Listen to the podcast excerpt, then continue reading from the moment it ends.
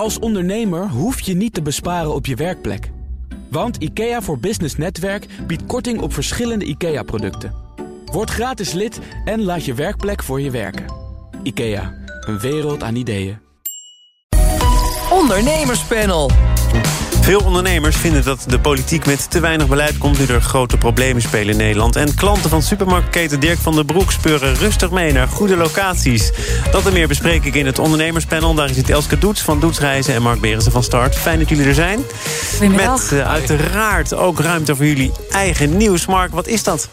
Nou, dat is een kop die ik vanochtend las. Namelijk dat het geld van het Nationale Groeifonds... ook wel het Wopke Wiebes Fonds... dat blijft op de plank liggen. Dus het is een, een FOP-fonds. En waarom blijft het op de plank liggen? Nou ja, een te strenge ballotage heb ik het idee. De plannen zijn niet goed genoeg, zegt de, de, Jeroen Dijsselbloem, die dat, die pot beheert. En er zit 20 miljard in. Dat is vorig jaar aangekondigd op Prinsjesdag. Dus het heeft heel veel relevantie met wat er de afgelopen week natuurlijk ook weer was. En uh, dit, dit, jaar zouden 3,4 miljard moeten worden uitgegeven.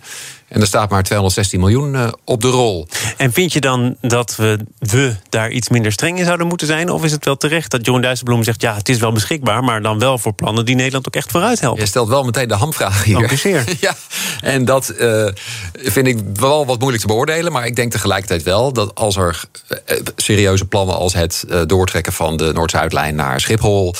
spoorverbreding tussen Rotterdam en Den Haag... ja, dat zijn denk ik toch wel goed doorvrochte plannen. Hoe... hoe ja, hoe, hoe, zouden die niet kwalitatief genoeg zijn? Maar veel van die plannen krijgen volgens mij nog een tweede kans, toch? Dat, je ja, dat klopt. Dus die, die, laatste twee zijn nog niet goedgekeurd. Maar komen dus niet volgend jaar aan boord. En er zijn andere plannen die zijn sowieso zeg maar, naar, naar, naar de prullenbak verwezen. Zoals de Lelylijn en uh, de HZL naar Duitsland. Ja, die Lelylijn blijft toch ook wel een hoofdpijndossier. De eerste voorstellen ervan zijn van net na de Tweede Wereldoorlog. Ja, maar ik zit toch een beetje in mijn maag met die, met die uh, criteria. Want laat ik dan toch maar een poging doen om, om te antwoorden op jouw vraag... zonder de details te kennen. Ik denk dat de criteria misschien wel iets te streng zijn. Want uh, de Noord-Zuidlijn zou er misschien ook nooit gekomen zijn volgens dit, dit uh, potje en dit bestuur en deze criteria. Hij ligt er nu. En volgens mij zijn we er allemaal wel ontzettend blij mee. En, en, en uiteindelijk zijn dit zulke grote projecten die over zoveel toekomst gaan, zeg maar. Uh, dat ja, iedereen kan bedenken dat het ding moet worden doorgetrokken naar, naar Schiphol. Begin daarmee. Elske Doets, bij Doets Reizen neem ik aan dat er wat minder op de plank ligt, omdat er weer meer kan. Ja, wij gaan uh, vanuit een soort uh, remise, om het even bij de treinen aan te houden, moeten wij plotseling naar een TGV-tempo. Dus, uh, Want er ja, mag weer gereisd worden naar klopt, de Verenigde Staten. Vanaf begin november gaan de grenzen dus open naar de Verenigde Staten. En dat is natuurlijk mijn belangrijkste bestemming zeg maar 70% van mijn omzet uh, gaat dus naar de Verenigde Staten. Uh, Canada is al twee weken geleden ruim open gegaan. Dus dat is uh, iets minder natuurlijk in het nieuws, maar ook een belangrijke bestemming. En dat gaat heel erg goed. En dat... Ik heb eerdere interviews met jou gelezen, ook ja. naar aanleiding van deze stap die nu weer mogelijk is om te reizen naar de Verenigde Staten. Het is goed nieuws, maar het is nog niet een kwestie van de slingers ophangen, want jij zegt nee. je jaar is er niet door gered. Nee, dit jaar is een verloren jaar, want de reisbranche is natuurlijk een cyclische bedrijfstak. Wat betekent dat uh, wij uh, in de winter dus de reizen boeken voor de zomer. Veel van mijn klanten zijn gezinnen met kinderen. Uh, en die willen drie, vier weken op reis. Waarom is dit wel belangrijk dat het dus per november open gaat? Uh, omdat juist in die periode mensen gaan aankopen. En als een land op slot zit, ga je natuurlijk niet boeken. Dus op dat punt ben ik wel heel blij. Want ik dacht dus dat het pas per april zou zijn. Wat meer weer negativiteit voor 2022 zou betekenen. Dus jaar drie. Dat we nou ja, niet presteren zoals het zou moeten. Nou kom je denk ik in een situatie terecht waarin veel bedrijven zitten. Namelijk uh, dat je weer up to speed moet raken. Ja. Hè, van de remise naar de TGV. Je hebt hard ingegrepen binnen je bedrijf. Ja. Veel mensen ontslagen. Ja. Nu is er weer veel werk te verrichten. Uh, hoe ga je dat doen? Uh, nou ja, technologie moet natuurlijk uh, heel veel kunnen opvangen. Dus dat is uh, punt één. Maar het is inderdaad voor mij als leider nu heel belangrijk om ze dus in die marathonstand te krijgen. Maar wie zijn ze, de overgebleven? Mijn team. En ik ben al sinds een aantal maanden. Uh, het team al aan het aanvullen. Ook al wist ik, was er nog geen licht aan de horizon, moet je daar toch wel wat op uh, voor uitspelen. En daarnaast ben ik ook wel op zoek gegaan naar wat andersoortige mensen. Want ik ben er in de deze crisis achtergekomen. Um, ik zit dus in de hospitality-industrie. Daarin is het heel erg belangrijk om mensen blij te maken. Uh, maar ik kwam er toch ook wel achter dat mijn mensen heel erg uh, ja, alleen maar daarop gefocust waren. Dus ze konden heel moeilijk. Ze waren eigenlijk allemaal een soort basketballers die die bal het liefst gewoon in dat netje wilden drukken. Begrijpelijk. Maar dat, dat netje was dus weg. En dus dat konden ze niet. En ze moesten nu eigenlijk gaan schaken. Oh. En daarnaast heb ik ook nog eens die Startup Buddy Bult, hè, die zich uh, roept op, uh, ja. Toezit op bestrijding van eenzaamheid bij ouderen. Ja, dat, dat, dat, dat is, vraagt ook een ander soort mensen. Dus ik ga dat toch allemaal een beetje opsplitsen. Hoe zie jij dat eigenlijk uh, op de arbeidsmarkt gebeuren? Want dat raakt ook een beetje aan wat Start doet natuurlijk. Al die bedrijven die uh, weer uh, in, de, in de hoogste versnelling zich moeten gaan aanpassen... en ook weer mensen nodig hebben. Mensen zoeken, ja. Nee, wij, wij verzamelen feedback van, van kandidaten die solliciteren voor bedrijven om, om zeg maar te vertellen van hoe was de sollicitatieervaring. En bedrijven staan ongelooflijk in de, in de recruitment stand. Uh, sommige bedrijven zijn dat blijven doen hoor. De, techbedrijven voor wie we werken. En voor, waarvoor we ontzettend blij zijn dat we weer naar Amerika kunnen vliegen, trouwens. Uh, maar uh, andere bedrijven hebben, hebben enorme vraag naar personeel. Dus er, er, wordt heel veel gevraagd. Daar wordt natuurlijk ook heel veel gesolliciteerd. Dus dat, dat is goed voor ons. overigens is, is het niet zo dat die krapte ongezond moet zijn. He, bedoel, en dat je hebt liever een gezonde arbeidsmarkt dan, dan. En dit is wel een beetje, extreem krap. En, en vooral een mismatch tussen wat er gezocht wordt en wat er. Laten we gaan naar. Uh, waar deze week toch ook wel toe in het teken stond, namelijk Prinsjesdag, de algemene beschouwingen. Veel ondernemers zien problemen in het land en zien daarom ook te weinig oplossingen vanuit de politiek Den Haag. Er is te weinig aandacht voor ondernemers. Vindt onder andere de groep van Haga en ook Ja 21. Wie is nu de meest kwetsbare vechtende en naar adem happende doelgroep op dit moment. Lubbers zei het 40 jaar geleden al. Dat zijn de ondernemers. Dat zijn de ondernemers. Niet alleen door corona, maar ook door de enorme lasten de regels. De kosten van de regeldruk zijn vorig jaar voor het MKB opgelopen tot 20 miljard per jaar. En wat is nou het plan van aanpak voor de minister van EZ? Mag ik dat vragen aan de minister-president om daar morgen op, te, terug te komen? Joost Eerpmans van Ja21 met een klassiek ondernemerspunt, namelijk meer regels, lastenverzwaring en waar zijn de oplossingen. Eh, deel jij de analyse van Eertmans in dit geval dat dit een groep is die naar adem hapt en snakt? Voor een deel wel, voor een ander deel uh, niet zo. Dus dat is een heel, heel gemixt eh, beeld. Maar dat die optelling, laten we er eens van uitgaan dat die klopt. En dat dat extra lasten zijn geweest, dat is natuurlijk hartstikke zwaar. Ja. En, en uh, nou, we, we we snakken naar beleid. Hè, bedoel, deze Prinsjesdag had ik dat, uh, had niemand dat mogen verwachten, want het kabinet is uh, demotionair. Nou, het ging over uh, miljarden die weer verdeeld moesten worden. Die uiteindelijk, als je heel erg ver terug gaat in de geschiedenis, nog vrijkwamen rondom de dividendbelasting. Dat werd toen de BIC. Ja. De BIC is gesneuveld in Europees opzicht, kon en mocht niet. Dus was er nog geld beschikbaar. En dat is naar hartelust uitgegeven. En Elske uiteindelijk niet terechtgekomen bij ondernemers. En er zijn politici en toch ook mensen in het land die zeggen: ja, eigenlijk als je kijkt naar de oorspronkelijke bestemming van dat geld, hadden ondernemers daarvan moeten profiteren. Ja, nou ja, kijk, wat mij altijd. Ik ben een MKB-bedrijf. En wat mij altijd heel erg uh, stoort, is dat. Uh, ja, Den Haag toch heel erg uh, ja, geld, om het toch even zo plat te zeggen, zo. op de multinationals. Die ja, hier veelal geen belasting betalen, vervuilend zijn. dus moeten transformeren, maar ook soms veelal ook gebruik maken van alle coronasteun. Ja, dan denk ik. MKB'ers niet ook gebruik gemaakt van coronasteun? Maar, maar, natuurlijk, maar wij betalen hier belasting. En ik vind het zo jammer dat die MKB'ers toch altijd een beetje weggezet worden als ja, schattig, een beetje achterlijk klein, maar let wel, wij, uh, uh, ja, wij, voor, wij zorgen voor ruim 60% van het bruto nationaal product en ruim 70% van de werkgelegenheid. Maar dus neem dat serieus. De, het MKB als ruggengraat van de economie, daarmee kun je ook scoren in Den Haag. Dat heb ik ook regelmatig politici horen zeggen, zeker in campagnetijd. Maar, je, ja, jij ziet maar toch zie ik terug. niet dat, dat, dat, dat het echt serieus wordt genomen. Want uiteindelijk zorgen wij er wel voor dat natuurlijk die staatskas voor een groot deel wordt gevuld, gevuld waardoor dus al die cruciale problemen die beleid en visie nodig hebben. Kijk naar onderwijs, kijk naar zorg, kijk naar mobiliteit. Daar is extra geld voor, hè? Zorg en ja, onderwijs. Dat is ja. dus gisteravond met elkaar besloten. Maar knuffel dan wat meer met die ondernemer. Maar het is wel zo dat natuurlijk ook dat soort onderwerpen hebben uiteindelijk te maken met. of hebben ook uh, invloed op ondernemerschap. Hè, met name onderwijs. Dat is echt een, een punt. Dan heb je het over de arbeidsmarkt uiteindelijk. Maar ook de woningnood. Ja als mensen niet mobiel zijn om te kunnen verhuizen naar een andere plek om, om daar te gaan werken. Omdat ze denken, ja, ik heb nu een huis, ik, ik kan die huizenmarkt niet op.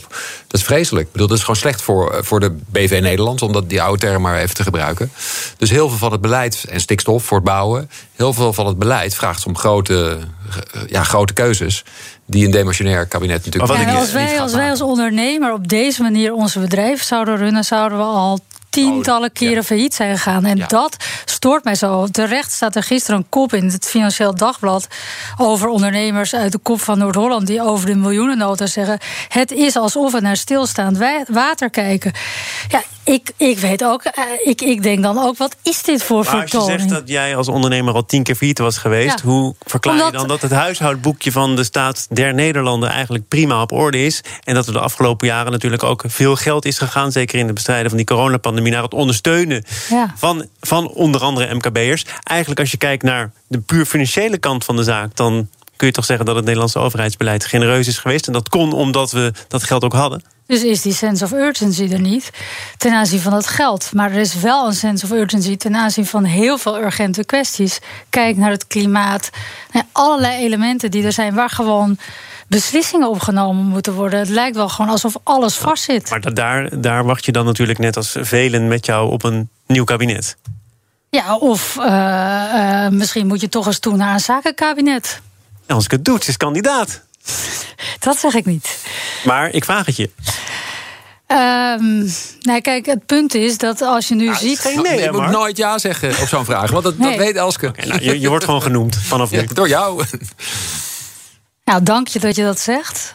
Um, ik durf wel echt moeilijke beslissingen te nemen. En dat is nu nodig. We gaan naar een ander onderwerp. BNR Nieuwsradio. Zaken doen. Thomas van Zeil. Het ondernemerspanel is hier. Elske Doets van Doets Reizen en Mark Berendsen van Start. Uh, laten we het hebben over buitenlandse investeerders. Icon Yachts uit Harlingen komt in Zwitserse handen. Er is namelijk een Zwitserse miljardair uh, met een meerderheidsbelang. Sinds kort dus in Icon Yachts. Onder andere gemeld door het Financiële Dagblad. Ja, dit komt natuurlijk ook in het ondernemerspanel... omdat er mensen zijn die verlekkerd kijken naar dit soort jachten. Mark, ben je er ook zo, ja, zo ik was in Italië op vakantie. Eh, aan de, aan de kust heb ik er vele gezien. En ongeveer elke dag als je dan richting het strand liep... lag daar weer een heel nieuw nieuwe, uh, hele nieuwe vloot. Wie zit daar dan weer op? Hè? Ja, ja, ongelooflijk. En daar kun je ook wel wat op googelen. Dat is best leuk. Maar uh, wat mij fascineerde is dat die boten zijn helemaal niet meer wit tegenwoordig. Het is allemaal grijs. Het lijken wel marineschepen. Het is echt een beetje, beetje, beetje brut om te zien.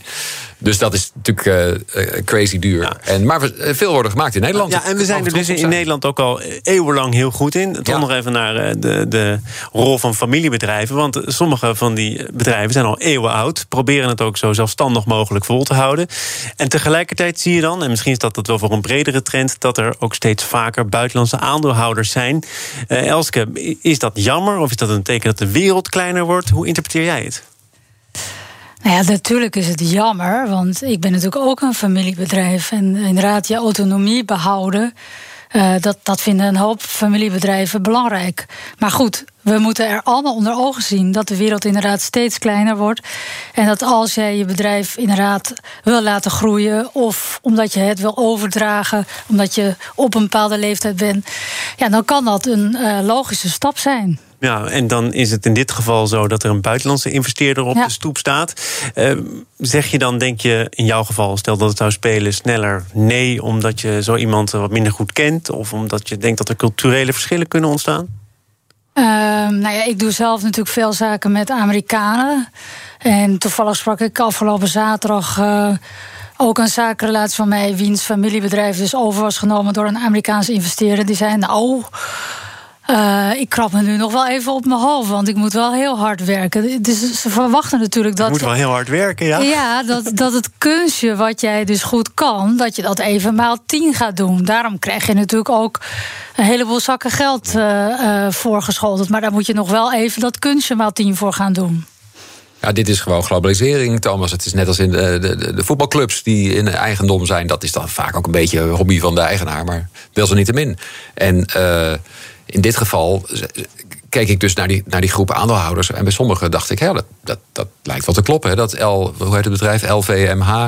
LVMH, Ah, op de. Frans. Hè, Oui, Louis Vuitton, NSI. Ja, precies. Dat wist ik niet. Heel maar goed. die is dus ook eigenaar van een van die, van die eh, shipbuilders. Ja, ja, dus het luxe segment komt er samen. In, in dat segment ehm, eh, markt, eh, qua, qua klantengroep. En luxe jachten en luxe producten gaan goed samen. Ja, dus je wordt gewoon gescout door zo'n eh, groot internationaal bedrijf. In dit geval, dat is een compliment. Maar Elske zegt hier, ja, het heeft ook wel consequenties. Nou, nee, ik bedoel eigenlijk meer dat zo'n bedrijf dus niet alleen investeerder is, maar waarschijnlijk ook kan ja, helpen tussen aanleidingstekens, maar ook, ook Helpen, deuren, deuren maar- opent weer tuurlijk. naar markten en een soort eh, niet-synergie. Dat eh, shipbouwers moeten schepen bouwen en tassenmakers moeten tassen maken, maar ze werken voor dezelfde markt. Dus daar kunnen eh, ja. Ja. interessante kruisbestuivingen wel Ja, ontstaan. dat is de verleiding. Dat Ja. is de worst die ze voorhangen. Maar dat- of uiteindelijk dat goed moet, je, uitpakt, is altijd moet je daar wel een inspanning voor leveren. heel kritisch op zijn. Ja. Maar het feit of, of, of zo iemand nou uit het buitenland komt of niet, Maar herken jij het eh, verhaal dat, er, dat het dan toch niet meer zo is als business as usual? Dat je bijvoorbeeld, eh, zoals net door Elske gezegd, tien keer harder moet gaan 100%. werken? Ja.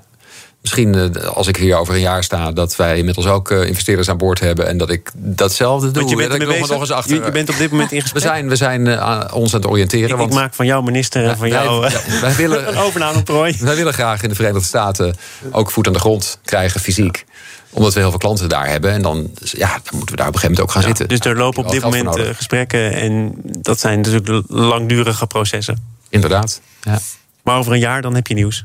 Nou, ik hoop al eerder. Maar ik bedoel, als het over een jaar pas is, dan is het over een jaar. In de zin dat we geen haast hebben, ehm, maar, maar groeiplannen willen, willen kunnen realiseren.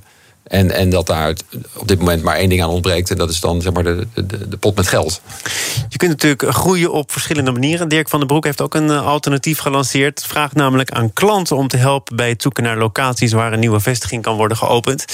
Dit zei de directeur van de Dirk eerder deze week in BNR Zaken doen. We hebben een, eh, we hebben een, eh, een platform op onze website eh, gebouwd. Dat klinkt heel hoogdravend, maar dat is gewoon een informatiescherm feitelijk. En een, een e-mailadres geopend. Hier graag dirk.nl. waar iedereen dan aan kan dragen waar zij een, een geschikte locatie voor ons zien. En dan moet ik heel eerlijk zeggen, we krijgen heel veel reacties. Hè. We zitten inmiddels bijna op duizend reacties. Daar zitten inderdaad ook reacties tussen. Ik wil heel graag een Dirk bij mij in de buurt. Nu snap ik dat, maar dan hebben we ook concreet een locatie nodig. Eh, eh, de locaties die aangedragen worden, ja, dan gaan we eerst zelf kijken. Eh, past dat binnen het profiel wat we zoeken? Hè? Is de oppervlakte goed? Wat voor bestemming zit erop? Hè? Dus daar doen we nog vooronderzoek voor. Daar hebben we gelukkig ook nog mensen voor die dat, die dat dan wel van tevoren uitzoeken... voordat we daarna de volgende stap nemen en in gesprek gaan met de eigenaar. Elske, wanneer heeft dit eh, zin en wanneer eh, leidt het toch vooral tot reacties van eh, doe maar bij mij om de hoek? Nou, allereerst vind ik het wel heel goed dat zij dus de klant serieus nemen en willen zien. En je kan natuurlijk die klant verleiden door middel van allerlei loyaliteitsprogramma's. Hè, met pasjes en gouden pasjes, zilveren pasjes en kortingen. En nu laat je ze meedenken. De vraag is natuurlijk: is dat niet ceremonieel meedenken? Want natuurlijk zijn er data over waar de meeste Phoenix-locaties zijn en de meeste jonge gezinnen zijn. Dus ja, ik vraag me af: is dit niet een soort charme-offensief om de klant. Nou ja, eh, nou ja, wat meer ceremonieel mee te Maar laten als dat beslissen. zo is, kan het dan toch nog weer positief effect hebben? Of, of stel je Nou, die klant je- uiteindelijk teleur? Als je inderdaad die klant echt serieus neemt en echt in de ogen durft te kijken en inderdaad misschien wel de vijf beste ideeën uit te nodigen eh, bij de CEO om eh, daarover te praten of de plannen te bespreken. Ja, dan kan dat natuurlijk, en dan kan je natuurlijk ook weer PR-technisch iets mee, kan dat heel positief zijn. Nou, ik zag eh, van de directeur eerder de uitspraak dat vastgoedpartijen, die toch ook een belangrijke rol spelen in dit hele verhaal, eerder afstappen op Jumbo en op Albert Heijn, die natuurlijk samen ook ja. een marktaandeel hebben van meer dan 50% Is dit dan een slimme manier om op een andere wijze toch aan Ja. interessante locaties Ja, maar dan te is het komen? effect dat we er hier nu over praten... en dat het misschien ook op de economiepagina staat van een, van een krant. Eh, ik vond die pagina, wat hij een platform noemt... nogal technisch. Er stond echt een hele, hele set aan, aan criteria van hoeveel vierkante meters en hoeveel mensen daar moeten wonen. Dat ik denk, gaat de consument op die manier denken? Terecht wat jij zegt. Van, en, en ook logisch dat de reacties komen, ja, graag bij mij om de hoek. Uh, dus, dus, dat zou ik ook veel eerder verwachten. Dus de vraag is ook, inderdaad, is het niet een beetje ceremonieel? Als je het niet technisch aanpakt, dan krijg je natuurlijk, ja, maar dan, maar dan krijg je natuurlijk heel veel rommel op maar je bord. dacht ik aan een, aan een andere actie waar je ook je klanten laat meedenken. Wat logischer is, zoals bijvoorbeeld de leeschips dat ooit hebben gedaan. En een smaak. Nieuwe smaak. Een smaak. En da daar hebben consumenten nou gewoon verstand van. Want die weten wat ze willen. Joppie saus. Ja, patatje joppie. Shit, ik weet het ook nog. En, en er is ook een, een Milka-reep in 2020, dat is me een beetje ontgaan... Uh, op basis van uh, consumenten-ideeën. En, en dat vind ik logischer dan de consument vragen naar iets... waar de consument eigenlijk helemaal niet zoveel verstand van heeft. En waar inderdaad, wat je zegt, data voor beschikbaar nou, ik zijn. Ik vraag me af, Elske, tot, tot, slot. Want uh, jij hebt natuurlijk ook te maken met klanten met ideeën over waar ze naartoe zouden willen, willen gaan. Vraag je dat wel eens? Van goh, welke bestemming zouden we nou als doetsreizen moeten toevoegen aan ons aanbod? Nou, wat wij altijd doen, uh, dat vinden klanten ontzettend leuk. Uh, soort avonden, bijvoorbeeld in het Omniversum, wordt er dan een film vertoond, bijvoorbeeld over een Canadese beer. En dan nodigen potentiële eerste keer reizigers en mensen die meer dan tien keer gereisd hebben. En die gaan we allemaal met elkaar mengen. En dan ja, ga ik natuurlijk en ook mijn hele team met die mensen allemaal praten. En dat vinden ze Ze voelen zich echt fip. En dan hoor je ook ideeën soms van ze. Uh, en je hoort ook van, hé, hey, dat is leuk. Je hebt natuurlijk allemaal die enquêtes en dat is natuurlijk allemaal formeel. Maar informeel krijg je wel een gevoel van wat speelt er bij mensen. En het allerbelangrijkste is, dat is gewoon de vitamine A van aandacht. Je kijkt ze recht in de ogen en je geeft ze aandacht. En dat is ontzettend veel waard. Ik heb weer genoten van jullie aandacht. Dank daarvoor, Elske Doets van Doetsreizen en Mark Berensen van Start. Zometeen wordt er in dit programma. Het inrichten van je eigen zaak is best wel wat werk. Daarom biedt IKEA voor Business Netwerk 50% korting op interieuradvies. Word gratis lid en laat je werkplek voor je werken. IKEA, een wereld aan ideeën.